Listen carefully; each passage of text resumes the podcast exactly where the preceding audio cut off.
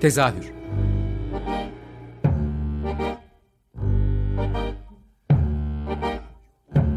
İstanbul tiyatro hayatı üzerine gündelik konuşmalar. What keeps mankind alive? What keeps mankind alive? The fact that billions are daily tortured, stifled, punished, silenced, and oppressed.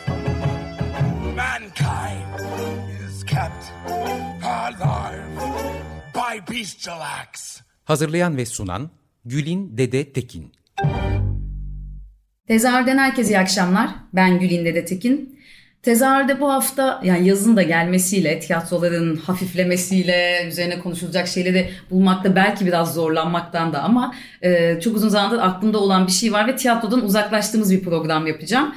Ee, evet gene yakın bir arkadaşımı yani çağırdım ama hayranı olduğum bir yakın arkadaşım var bugün. İki yıldır Berbat Bir Anne podcastini e, yayına sunmuş olan Merve Özcan şu anda konuğum ama bugün burada podcastle değil e, Berbat Bir Anne'nin stand-up gösterisi mi demeliyim, sahneye çıkmış hali mi demeliyim ama biraz bunun vesilesiyle konuğum. Hoş geldin Merve. Hoş bulduk Gül'ün, merhaba.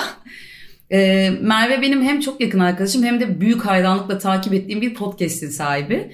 Ee, berbat bir anne e, sen zaten anlatacaksın ben küçük bir girizgah yapmak istiyorum. Böyle anneliğin e, bütün klişelerini, gelenekselleşmiş hallerini alt üst eden, işte ezberleri bozan, biraz da böyle biz de varız ya bizi de bir duyun diyen bir podcast. Ee, ben de çok şanslıyım ki bir konuğun olmuştum ilk sezonunda. Ee, ama bu podcast öyle büyüdü ve başka bir şeye dönüştü ki yani bizim kendi tarikatımız gibi de hale dönüştü.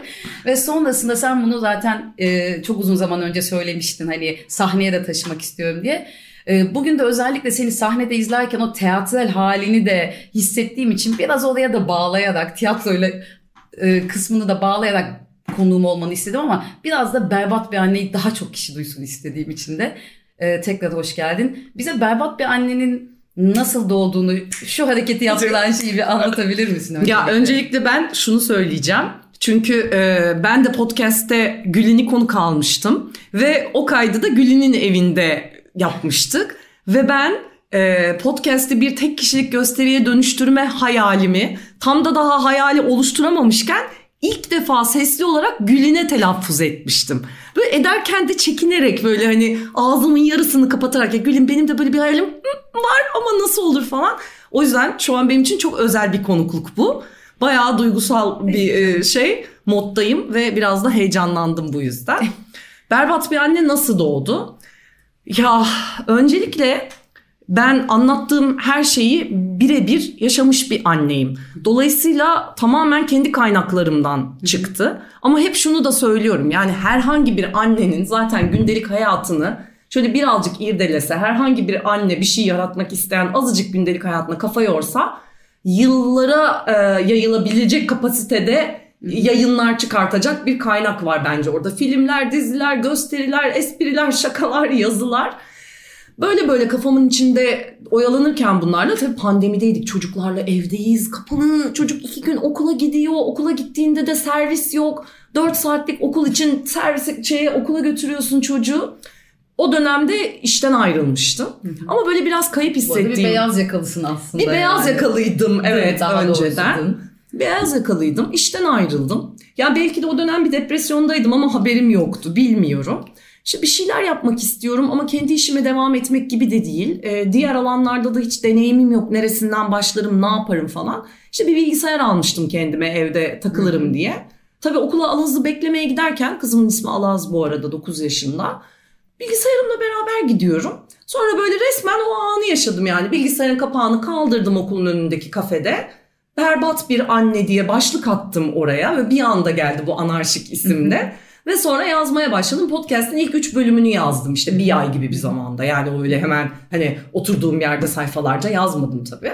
Sonra da işte e, bunu bir podcast olarak yayınlamak adına kendi çabalarımla Podbi Medya'ya ulaştım falan filan ve bu proje gerçeğe dönüştü. Yazmak dedin ya aslında oradan girmek istiyorum. Şimdi ben seni tanıyorum ama senin bu podcastle beraber başka bir yüzünü de gördüm. Yani sohbetimizdeki o sarkazmı nasıl kullandığını da biliyorum. Bir şeyleri bir araya getirip o muhakemeyle neye dönüştürebildiğini, alaya almaya ama onu ciddiyle, ciddiyetinle dövmeyi. Ya bütün o şeyini biliyorum ama bunu podcast'te öyle bir boyutta yapıyorsun ki e, bunu yazma üzerinden söyleyeceğim. İlk bana geldiğin günde de gördüğüm bir şeydi bu. Sen aslında çok iyi de bir yazarsın. Yani o metinleri çünkü doğaçlama olmanın yanı sıra yazdığın halini de biliyordum. O yüzden böyle birazcık metin yazarlığı da var işin içinde. E, o yazma halinden de biraz bahsedebilir misin bize? Yani var ama bu benim böyle içimden zorla çıkarttığım bir şey. Hayatım boyunca farkında olduğum bir kabiliyet gibi değil ya da böyle bunu kendimden emin bir şekilde alnım ak başım dik taşıdığım bir kabiliyetim değil. E, galiba iç sesimi böyle dış ses gibi kullanmak gibi bir şey. Sarkazm zaten benim hayatla başa çıkma e, metodum. O yüzden o ikisi orada birleşiyor. Ee, sadece diğer yazarlar gibi bir yazma pratiğim yok, öyle bir özgüvenim yok. Belki biraz doğal tınlamasının sebepleri de bunlar olabilir diye düşünüyorum. Normal insanların e, bu pratikleri olan insanların bir saatte e, yazacağı, toparlayacağı konuları ben hem bir haftada yazıp toparlıyorum. E, çok da toparlayabiliyor muyum emin değilim yani. Belki de mesela kelime ekonomisine yani ke- kelime ekonomisi konusunda kendime hep bir öz eleştirim var. E, düzeltmeye çalışıyorum ama mesela ne kadar yol alabiliyorum bilmiyorum da. Böyle yani anarşik yere geri dönmem gerekirse işte beyaz yakalıyken de kızımı doğurduğumda mesela çalışmıyordum. O dönemde işlerden biraz uzaklaşmıştım. Sonra boşandım ve çalışmak zorunda kaldım tekrar. Tekrar işe döndüm. Bu sefer kızım küçüktü. O e, şeyi arafı yaşadım işte çocuğu evde bırakırız ulan 3 yaşına kadar da çocuğumuza kendimiz bakamadık. Şimdi bu çocuk büyüyünce şöyle böyle bir şey olacak herhalde biz bakamadık diye filan. E, öyle endişelerim vardı. Bunları yaşadığımın farkındaydım. Eski eş ilişkimiz bizim yani bazıları çok şanslı oluyor bu konuda bazıları da şanssız oluyor. Aslında seçimi baştan yaparken herhalde bu şey lafı var ya. Yani. Siz işte bu kadınlar nasıl bu adamları buluyorsunuz? Gerçekten Atatürk gibi kardeşim bence yani iyi, iyi boşanılacak adamlar böyle bin senede bir kadına falan bilmiyorum. Ee, biz biraz gergindik. Hani o klişe laf var ya işte evleneceğin değil boşanacağın adamı seçiyorsun. Dikkat et edememişiz. ee, o yüzden de mesela oraları yönetirken de böyle kendimi eksik hissettiğim yerler, yer yer e, sınırımı koruyamadığım için anneliğime yönelen suçlayıcı tavırlar ve bunların hepsinin altında kalmalarım falan içimde çok birikti. Bu arada sarkazm benim hayatla başa çıkma metodum derken aslında kendi öfkemle başa çıkma metodum diye düzeltsem iyi olur. Dolayısıyla bu öfke patlamasının sarkastik bir şekilde ortaya çıkışıydı berbat bir annede. Yani e, sen ilk bu podcast'e başladığında yani şey açısından da ben ne zaman seninle ilgili bir şey paylaşsam da hep altını çizdiğim yer farkındasındır. Yalnız olmadığımı hissettirmesi yani benim için. Çünkü yaşadığın şeylerin birebir aynısını hani kişisel olarak tabii ki farklılıklarımız var ama e, aynılarını bu toplum bize bana da yaşatıyor. İşte yanımdaki başka bir anne arkadaşıma da yaşatıyor. Yani ebeveynlik değil annelik üzerinden bir şey çünkü bu biraz da. Ve çok yalnız hissettiğim tam o dediğin gibi beceremediğim işte olmuyor yapamıyorum dediğim şeylerin aslında benimle ilgisi olmadığını görmek ve o bir aydınlanma yaşattı berbat bir anne. Ee, bizim kendi aramızdaki sohbetler evet ama bir yere kadar oluyor. Sonra çünkü o kadar büyüdü ki o kitle. Ya işte bunu böyle şey gibi haykırmak iddialı bir kelime ama gerçekten ben de bunu haykırmak ve e, meşrulaştırmak istedim. Ve o dönemde de bir sürü araştırma yapmıştım. Hı hı. Hakikaten benzer bir şey yoktu. Hı hı. Markaların dili çok başkaydı. Markalar hala e, anneler gününde annelere küçük ev aletleri reklamları yapmaya devam ediyorlardı. Uzmanlar hala işte çocuğumuza nasıl davranmalıyız paylaşımları yapıyorlardı. Evet biliyoruz zorlanıyorsunuz diyen bir tane uzmana o güne kadar rastlamamıştım. Yani şimdi iki senelik süreçte geriye dönüp baktığımda benim podcast'im belki ülkede bir infial yaratmadı. Ama, ama yaratmalıydı. Ama, ama organik bir şekilde kadınlar ve anneler arasında özellikle çok yayıldı. Sen bir tane de araya gireceksin. Ve bayağı markaların dili değişti, uzmanların dili. Kimse benim kredimi vermiyor ama olsun, olsun. ben çok mutlu oluyorum bununla. Ee, bir sürü e, dil değişti. Benim için bu çok ciddi bir başarı kıstası. Çok mutluyum. Ya şimdi dinleyiciler için şunu da özellikle altını çizmek istiyorum. Sen söyledin, e, söylediğin şeyi de düzeltmek istiyorum. Yani anneler ve ebeveynler falan kısmının dışında o kadar çok ebeveynlikle alakası olmayan insanın dinleyerek kadın ve erkek. Yani hani bu berbat bir anne bir başlık ama dinleyici bana ne ya berbat bir anneden hani benim ilgimi çekmiyor. Bir şey söylediğim arkadaşlarım ya işte gidin mutlaka stand-up'ına dediğimde ya annelikle ilgili ebeveyn ya çocuğum yok falan bir ilgimi çek öyle bir şey değil aslında. Gerçekten değil. Her yani o kadar çok çocuksuz insandan bana geri dönüş geldi ki ben programa katıldıktan sonra dinleyen arkadaşlarımdan dönüp hepsini dinlemişler. Ve inanılmaz e, olumlu yorumlarla ya dönüyorlar. aslında benim hedef kitlem ebeveynler, işte evli insanlar falanken beni de bu çok mutlu ediyor. Bana da böyle çok dönüş geliyor. Benim de bir sürü çocuksuz e, tanıdığım, tanımadığım insan dinliyor. Hatta geçen gün eski storylerime bakıyordum böyle hesapta sabit. Şey gördüm. Birisi bir tweet yani ben paylaşmışım da hatırlamıyordum. Biri bir tweet atmış şey yazmış işte. E, son günlerde berbat bir anne podcastine sardım. Deli gibi dinliyorum. Bilin bakalım ne yok. Evet çocuğum yazmış tamam mı? Mesela bu tweet'i gördüğüm anı hatırlıyorum. Böyle sevinçten ağlamıştım. Benim de çok hoşuma gidiyor bekarlarda karşılık bulması. Gösteri de öyle oldu birazcık. Böyle benim hatırıma gelen bekar çocuksuz arkadaşlarımın bir şeyle ama biz çok eğlendik filan. Yani acaba hata mı ettik gösterinin adını da berbat bir anne koymak onu da bilemiyorum tabii de. Yok bence yerinde. Ya aslında baktığında en başından itibaren sen hamilelikle başlıyorsun, lohusalıkla. Çünkü bir annelik sürecini e, yürüttüğün bir şey ama şu kaç program olduk? 30 40 küsürdeyim. olduk 40 mu? küsürdeyim En son evet. yeni yayınladığım bir iki gün 45 mi önce. 46 mı? Hayattan bir sürü konuya değinmeye başladın çünkü doğal olarak yani Ee, ne bileyim e, işte meme kanseri de var hikayenin içinde Ee, ne bileyim boşanma sürecindeki yani çocuğu olmak zorunda değil avukatlı olan yani bir sürü perspektifi geniş hikaye var hayatında ebeveynlik olmak zorunda değil çocuk olmak zorunda değil Ee, ve başka başka insanları konuk ediyorsun. Ee, Ya çünkü mesela itiraf etmem gerekirse aslında annelik mevzusu beni sıkan bir mevzu. Evet. yani benim için hani benim kafamda neredeyse anneler sıkıcıdır, annelik sıkıcıdır gibi bir şey. Evet. Dolayısıyla ben bunu zaten e, sadece anneler üzerinde işte o böyle didaktik didaktik tavsiye verir Evet. gibi konuşulan bir yerden sürdürmem mümkün değildi. Kendim sürdürebileceğim bir formda yapmaya çalışıyorum. Böyle oluyor. Ee, şimdi bakalım 3. sezon şu anda bir muamma gösteriden ötürü. hmm. Ee, ama zaten diyorum ki yani 45 bölüm verdim.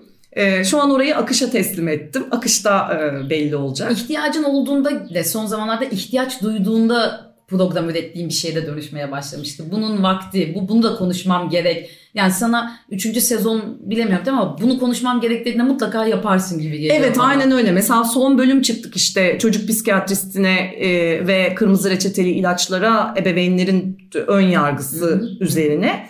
Bu gerçekten benim böyle oluştuktan sonra içimde tutamadığım bir an önce bunun kaydını alıp bu bölümü yapıp salmam lazım Evet. dediğim bir şey. Böyle bir şey olduğunda hemen bölüm yapıyoruz. Ama öz disiplin konusunda e, biraz yeni bir şey benim için işte kurumsaldan sonra böyle kendi başıma bir işi götürüyor olmak. O açıdan aslında ben podcast'ime her ay iki bölüm verdiğim bir şey olmasını arzu ederim. Ya böyle yapacağım ya hiç yapmayacağım gibi bir yerdeyiz Hı. zaten yani. Bir rutinini bir şeyini Evet, oturtmak lazım. evet. Peki e, podcast'in daha detaylarına konuşacak milyonlarca şey bulabiliriz. Yani 40 bölümün her bir ayrı ayrı incelenir ama biraz da gösteriye Ama yeni bebeğim. Evet yeni bebekten konuşalım.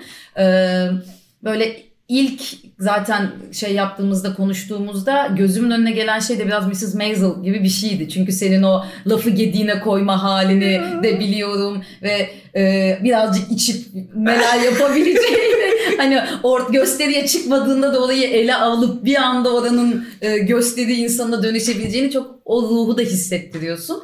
Bir taraftan da şey gibi de podcast olarak başladın. Sonra gösteriye dönüştü. Bu neden bir tiyatro metni olmasın falan yani yazıyorsun dedim ya Metin. Böyle bir playback hali de var. Ee, bunlarla ilişkini nasıl görüyorsun? Yani sen senin ilham aldıkların var mı ya da işte senin ilham verdiklerin var mı sence? Ya bu beni acayip duygulandırıyor. Çok garip hissediyorum böyle deyince. Çünkü Maisel'ı da izlediğim ve bayıldığım Ben bir diziydi. Fleabag de aynı şekilde. Geçen onun tek kişilik oyununu Evet. işte sinemada izlemeye gittim. Yani e, bittiğinde herkes alkışlarken ben ağlıyordum. Çünkü böyle sanki kendimmişim gibi hissettim. Ee, bilmiyorum nereye gider bilmiyorum. Çünkü ben böyle kafama geldiği zaman onu bir proje evet bu olabilir diyorum. Ee, ama birazcık da şey bir tipim. Yani ölçülü bir cesaretim var benim. Anladın mı? O cesareti de gösterebilmek için çok yatıyorum kalkıyorum o fikrin üstüne. E, o hayal benim için ne kadar uzun boylu olur ne kadar olmaz şu anda kestiremiyorum. Şu anda bütün odağım gösterinin üzerinde. Hala gösteri metni her oyunda değişiyor. Yani tabii ki büyük ölçekte değişiklikler değil ama hala şeye bile karar veremedik işte. Bu bir tek kişilik gösteri mi diyelim? Buna bir stand-up mı diyelim? İşte e, buna bir interaktif show mu diyelim? Hala buna karar veremedik. Bir gösteride interaktifi çok fazla tuttum mesela. Çünkü herkes kendinden bir şeyler bulduğu için illaki bir şeyler söylemek istiyor. E, ama Anlatacak o kadar çok şeyim var ki yetmiyor da. Anlatacak çok şey var. Süresi uzuyor. Ee, orada bir metin var. Yani interaktif olursa doğal akışında bir interaktif gösteri yapılmalı Evet. galiba gibi bir şey İlk oturuyor. gösteri 3 saate yakın sürmüştü. O Ya, sonra Evet, diyorum ya bir yazar pratiğim yok diye. O yüzden böyle yeteri kadar kısaltamamışım artık ve 3 saat değil. Ee, gelmek isteyenlere buradan bunu söylüyorum. Artık 65 dakika. E, interaktife girip girmeyeceğimize de e, gerçekten salonun havasına göre karar verdiğimiz bir yerdeyiz. Ama dediğim gibi zaten ilk 10-15 gösteri hatta belki daha fazlası biraz kervan yolda düzelir. Evet. Düzülür müydü? Düzülür. müydü? Ha, düzülür. gibi bir şey. Ama çok mutlu ve heyecanlıyım. Güzel karşılık buluyor. İşte tek endişem ismi berbat bir anne olduğu için hani sadece annelik rutinine dair e, bir kara komik bulacağını düşünmesi midir insanların?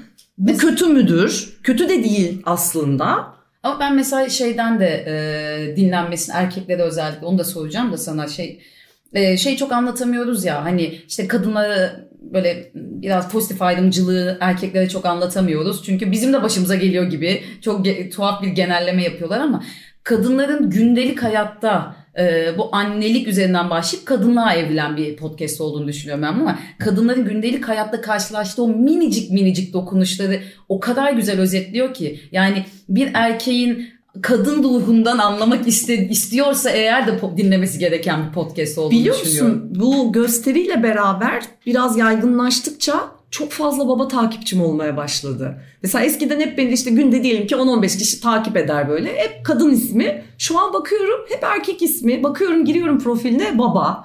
Çok mutlu oluyorum. Gösteriye gelen babalar da bu arada. Hem çok gülüyorlar. Geçen Hürriyet hafta sonunda da onu söyledim. Abi bir de aydınlanma yaşıyorlar. Güzel kardeşim yıllarca bir sürü kadın sana bunları anlatmamış mıydı? Yani çok kıymetli insanlar var kitaplara yazmışlar bunları. Ama hayır o zaten erkeklerin işte e, bilmeme numarası var ya her şeyi ilk defa duymuş numarası yapabiliyorlar. Benim gösteride duydukları şeyleri de böyle hayatlarında ilk defa duyuyor. Fakat çok iyi gerçekten bunu hiç bu açıdan düşünmemiştim falan diyorlar. Komik yani İşte biliyorum zaten- gelsinler daha fazla gelsinler. Yani bunları neyse şimdi spoiler vermemek için bir sürü şey konuşamıyoruz tabii ama erkeklerin de gerçekten ilham alacağı bir şey olduğunu düşünüyorum. Yani kendi hayatlarını daha e, kendileri için de daha mutlu kılabilmek için e, çocuklarıyla olan ilişkilerini özellikle kız babalarının Ki sen nasıl buldun bilmiyorum ama ben aslında babalara karşı yumuşak buluyorum Evet. gösterideki tavrımı. Evet. Öyle çok da baba dövmüyorum yani. Yok hiç. Sadece çok ince ve çok önemli bulduğum birkaç bir şeyi güzelce yerleştiriyorum. O da şey gibi yani e, görmedikleri, fark etmedikleri bir şeyi onlara ayna tutmak gibi yapıyorsun aslında bakarsan. gibi yani daha fazla hatta Bu arada sen anneleri de gömüyorsun bazı yerlerde yani. Hani kendimize yaptığımız, kendim yani yaşadığımız şey, bunu da kendimize yapamayız arkadaşım deyip kendimize de tokat atıyorsun. evet bütün Baktığında. olay zaten Evet, aslında evet. annelerin kendine yaptıkları. Yani annelik kutsalından çok uzak bir şey aslında. Not an Azize but an average mom Ah, diye bir bahset- mottomuz vardır evet, ya. Evet onu konuşmadık yani. Dünyanın en güzel mottosu valla o da bir anda nasıl çıktı hiç bilmiyorum. Ama zaten bu berbat bir annenin şeyi ya. Her şey bir anda çıktı. yani Evet ya böyle. bu benim galiba yapım yani. Her şey hop bir anda oluyor filan. Hatta böyle e, şimdi insanlara da söylüyorum. Sonra onlar oluyor bir şekilde. Aslında hep derler ya işte aman bir fikrin varsa söyleme, aman bir şey yapmayı düşünüyorsan söyleme. Ben tam tersi insanlara söyleyerek üzerimde bir kamuoyu baskısı oluşturuyorum onu hayata geçirmek adına. Herkesin bir yöntemi var. Ya da kendini inandırmak için dilinden çıkması gerekiyor belki de ona. Bir şey evet bilmiyorum galiba benimki de o. Ee, peki bundan sonrasında yani şu, az önce şunu da sormak istiyorum. Sahnede olma halini yani ben çok teatral buluyorum seni ve bedeninle oynadıkça ilk başlarda daha böyle e, ilk gün kasılıyordun böyle ne yapacağım ama böyle bedeninle oynadıkça çok teatral bir akan bir halin var sahnede. Sahneyle ilişkin nasıl? Ya sahne ben ilk gösteriden önce kendime söylediğim en büyük şey ay inşallah yanlış bir hayalin peşinde değilimdir olmuştu. Ve tek arzum ilk gösteriden sonra evime gelip yattığımda ulan ne biçim batırdım sen kim bu hayali gerçekleştirmek kim dememekti kendime. Ee, sahneye çıktığımda bunu demeyeceğimi hissettim. Yani orada bir bütünleşme, bir kök salma oldu gibi. Tabii benim de kendimce çabalarım oldu bunun için. Nefes egzersizlerinden tut da köklenme egzersizlerine kadar. işte o bildiğim oyuncu arkadaşlarımın yaptığını bildiğim pratiklere kadar falan. Ee, ve geçmiş yıllarda sadece bu konularla ilgilendiğim için katıldığım atölyeler, çok kıymetli arkadaşlarımdan bu konuda almış olduğum bütün onların o deneyimleri yönden mesela Fehmi Karaaslan, Fehmi ile biz aylarca bir oyunculuk atölyesi yapmıştık. Bir grup Fehmi benim hayatımda çok önemli bir yeri olan bir oyuncudur. Fehmi de Gomidas'ta oynayan. Ha, Fehmi de Gomidas'ta oynayan Gomidas. Fehmi Kararslan ve Sami, Evet. Ahmet Sami Özbudak mesela Sami ile iki kere prova yap. Ya bu insanların katkıları falan yatsınamaz. Beni bayağı iyi hazırlamışlar bu sürece farkında olmadan. Ee, çıktığımda da rahattım, keyifliydim. Biraz ellerime kollarıma hakim olmam lazım ama bence. Çünkü izlediğim zaman dayanamıyorum yani. O ne yüzüyormuşum. Ben sahnede şey yapmıyorum da performans yapmıyorum da yüzüyorum adeta. Ama yeni tiyatronun şöyle bir şey var yani bağımsız tiyatrolarda hep böyle tam o dediğin gibi kervan yolda düzülüyor gibi metninde, oyunculuğunda biraz seyirciyle haşır neşir oldukça ki seninkisi gösteri ve interaktif bir gösteri kısmen de olsa e, biraz seyirciyle yan yana geldikçe kendi yolunu da bulacağım bir Şey ne olacak. oldu biliyor musun? Ee, Kadıköy gösterisinde şimdi ilk iki gösteride hep el mikrofonu kullandım. Çünkü o bir noktada beni kısıtlayan da bir şey. Evet. iyi oluyor elime koluma. Abi Kadıköy'e bir geldim. Kulise girdim kafa mikrofonu. Ne deniyor ona? Headset. Evet, ha. Bu ne dedim ben el mikrofonu istiyorum dedim böyle. El mikrofonlarına da bir şey olmuş. Yok diyorlar. Hiç mi yok? Ve kafa mikrofonuyla çıkmak zorunda kaldım. Eller kaldı. Ben o kadar strese girdim ki ağzımın kenarında bir şey kafamı sıkıyor arkadan kulaklarıma bastırıyormuş seyircilerin söylediklerini duymuyorum soru soruyorum cevap duymuyorum falan. Bayağı stresliydi yani sahne benim için yeni ve heyecanlı bir oyun alanı. Gerçekten kendimi bir çocuk gibi hissediyorum şu anda bu gösteri projesinin içinde. O zaman son bir, bir buçuk iki dakikamız e, neler va- var? Yani hangi gösteriler var, nerelerde olacak? Bu aslında bir BKM mutfak e, projesi olarak devam ediyor. Onu hiç söylemedik. Evet BKM. Mutfak'ta oynuyoruz. BKM ile bir dirsek temasım var. Çünkü Celal Tak sağ olsun bana e, bir mentor gibi, bir abi gibi, e, bir profesyonel danışman gibi yani bütün e, deneyimini ve imkanlarını seferber etti. Sağ olsun birlikte geliştirdik bunu. Şimdi 30 Temmuz BKM Mutfak Çarşı, 23 Temmuz Antalya var ondan önce. İzmir. E, 20 Temmuz İzmir var Performans Hall. Tam sana yakışır geriye gelerek. Ay gerçekten yani bak görüyorsun ne kadar daha pratik var. Ama 22 Ağustos Akyaka, Mekan Akyaka. Mekan Akyaka muhteşem bir yer bu arada. Onun önüne arkasına Bodrum, Datça, Fethiye, Kaş falan bağlanacak. turneye yani daha başlayamadan turneye çıkmış olman. Evet gerçekten. ama yani çok zor bu işler. Onun organizasyonu daha bitmediği için tam söyleyemiyorum. İşte tam bana yakışır bir şey açıklaması, gösteri açıklamaları bunlar. tersinden gelerek tarihleri.